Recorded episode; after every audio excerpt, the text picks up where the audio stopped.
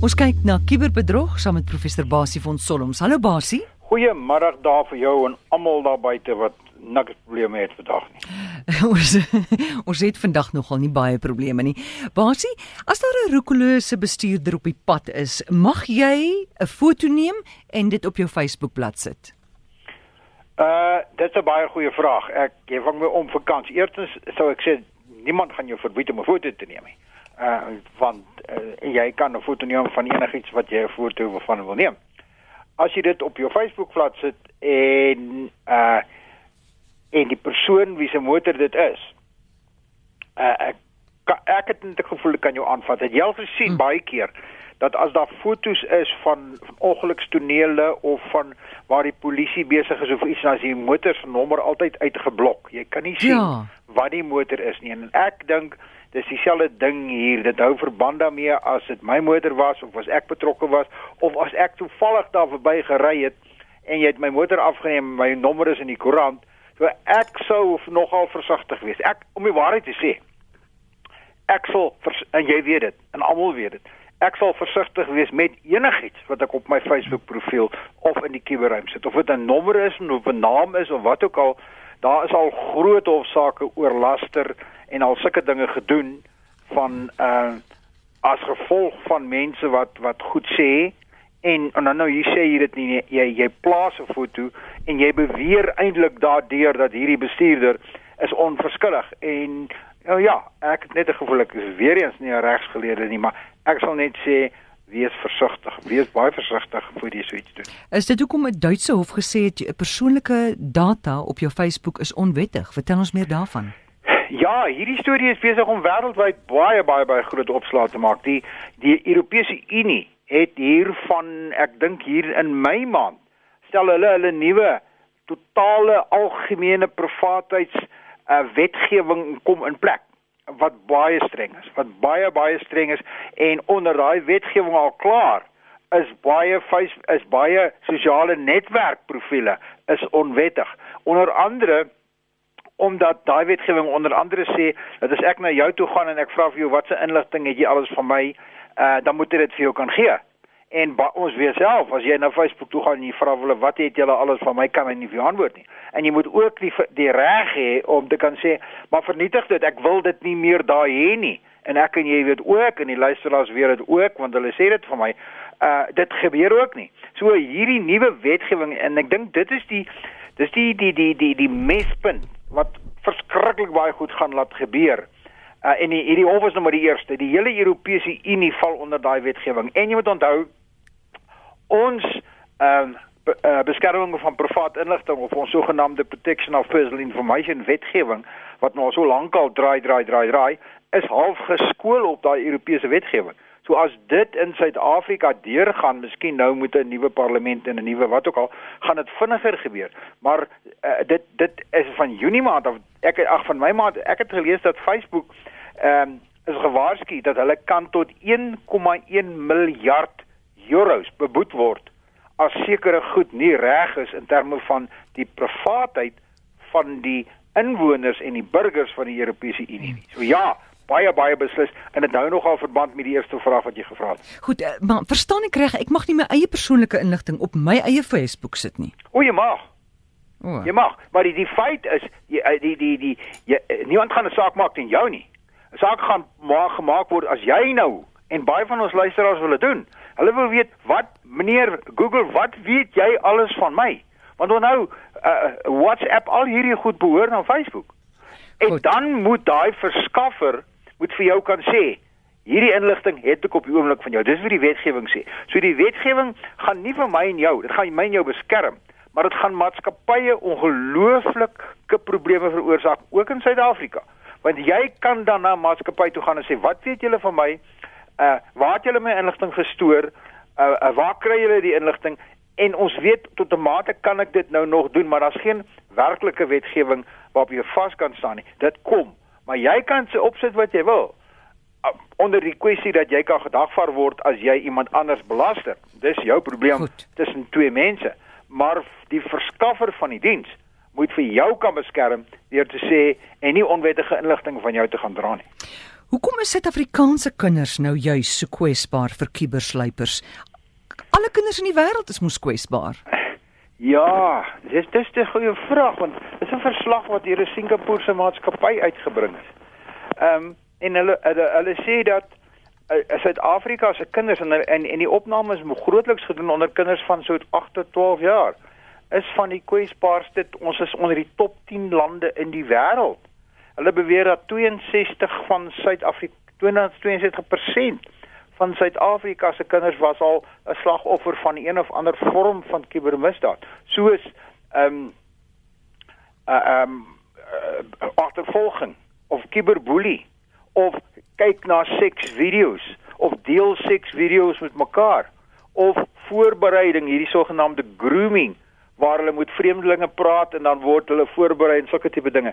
Ek het nie gedink Suid-Afrika staan so hoog nie, maar hoekom? Dit, hoekom basie? Dis 'n goeie vraag. Hulle beweer dit het te doen met uh, uh, ek ek ek moet die resultate beter gaan bestudeer. Ek is nie regtig oortuig met hulle, maar dit, hulle sê dit gaan daaroor dat lande wie se internetverbindings ehm um, of, of hulle begin eintlik by skole, dan sê hulle skole waar daar nie 'n goeie voorbereiding, goeie toesig gegee word oor hierdie sake nie, verval kinders baie maklik. In ander woorde, in Suid-Afrika moet jy onthou, ons is 'n land en dit geld vir Afrika ook, waar die kinders en en en tieners ensovoorts het nie deur die fase gegaan wat meeste groot mense wat rekenaars gebruik het gegaan nie. Jy het eers 'n uh, tafelrekenaar gehad en jy het bietjie verstaan van 'n taalverrekenaar en jy het verstaan van van die hmm. beskerming van jou rekenaar en toe het ons almal skootrekenaars gehad en ons het verstaan as hoe vir 'n skootrekenaar moet jy dan dit en dit en dit doen. Vandag se kinders en tieners spring direk na 'n mobiele of 'n draagbare um, omgewing toe. So hulle het nie daai agtergrond nie. En in Suid-Afrika en die hele Afrika is is een van die lande of dele in die wêreld waar hierdie sprong na van niks na 'n volle hmm. mobiele omgewing met 'n volle eh, slimfoon waaraan jy alles kan doen. So groot was dat dit eintlik boor baie van ons as ouers en grootouers gespring het. En dit is wat baie ouers vir my deel. Hulle sê vir my, die ding het oor my gespring. Ek het nie beheer oor wat gebeur nie. En ek dink dit is tipies van Afrika en ek dink dit is tipies van Suid-Afrika. En daarom dink ek moet ons en ons moet van hoë vlak af begin aandag gee aan hierdie saak want regtig uh, waaroor ons die afgelope paar weke ook gesels het, die hele kwessie dat ouers uh moet bewus wees en hierdie is 'n ernstige saak. Kinders se op se opvoeding, hulle hulle hele gedrag, hulle fisiese breinontwikkeling, soos wat ons gepraat het, word beïnvloed. So, hier kom nog 'n klomp dinge. Ek het 'n hele paar idees hieroor wat ek so in die volgende paar weke met jou gaan deel. As jy nie vir my ook nog gaan vervang met 'n ander 'n ander ou soos wat hulle in die politiek doen. Hoorie basie. Dis nogal ontstellend volgens Microsoft se peiling is Suid-Afrikaners die ongeskikste in die kuberruim. Ja, die peiling het ek nou die week afgelope week al wat weer in die pers raak geloop. Ek het 'n gevoel die peiling het ek al van tevore gesien. Dis al so 2, 3 jaar oud. Maar ek het bietjie gaan kyk hoekom sê hulle so. En ek ek weer eens, wat die rede is, weet ek nie, maar hulle sê, oh nou nou, uh, hoekom waar kom die ongeskiktheid vandaan? Dis nou nie ongeskiktheid in terme van dat dit ek vir jou e-pos sien nie onder andere dit ook. Maar dis o, dis amper die omgekeerde van van van 'n kuberslagoffer. En hulle sê byvoorbeeld Suid-Afrikaners is van hierdie meeste mense wat ongeskik is wat byvoorbeeld vir 'n ou wat op televisie verskyn het.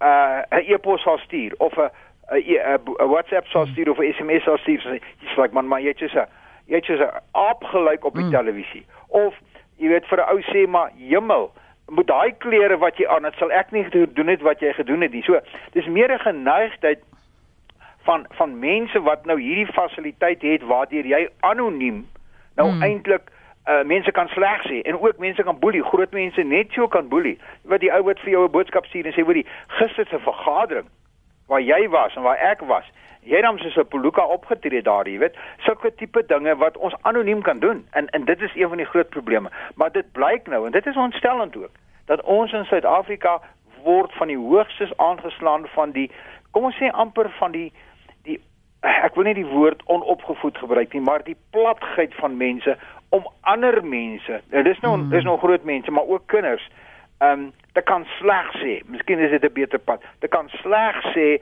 deur middel van die kuberruimte. En daar staan ons baie hoog. Ons staan nie net hoog wat ons kinders betref nie. Ons staan ook hoog wat betref ons eie verantwoordelikhede om ander mense vanuit van die uit die kuberruimte uh by te kom. En, en ek dink uh, jy weet dit is ontstellend. Ja, dit is. Hoopelik gaan dit verander want ek sien dit neem toe oor naweke en saans. Ja, Dis wanneer mense op hulle eensaamste is.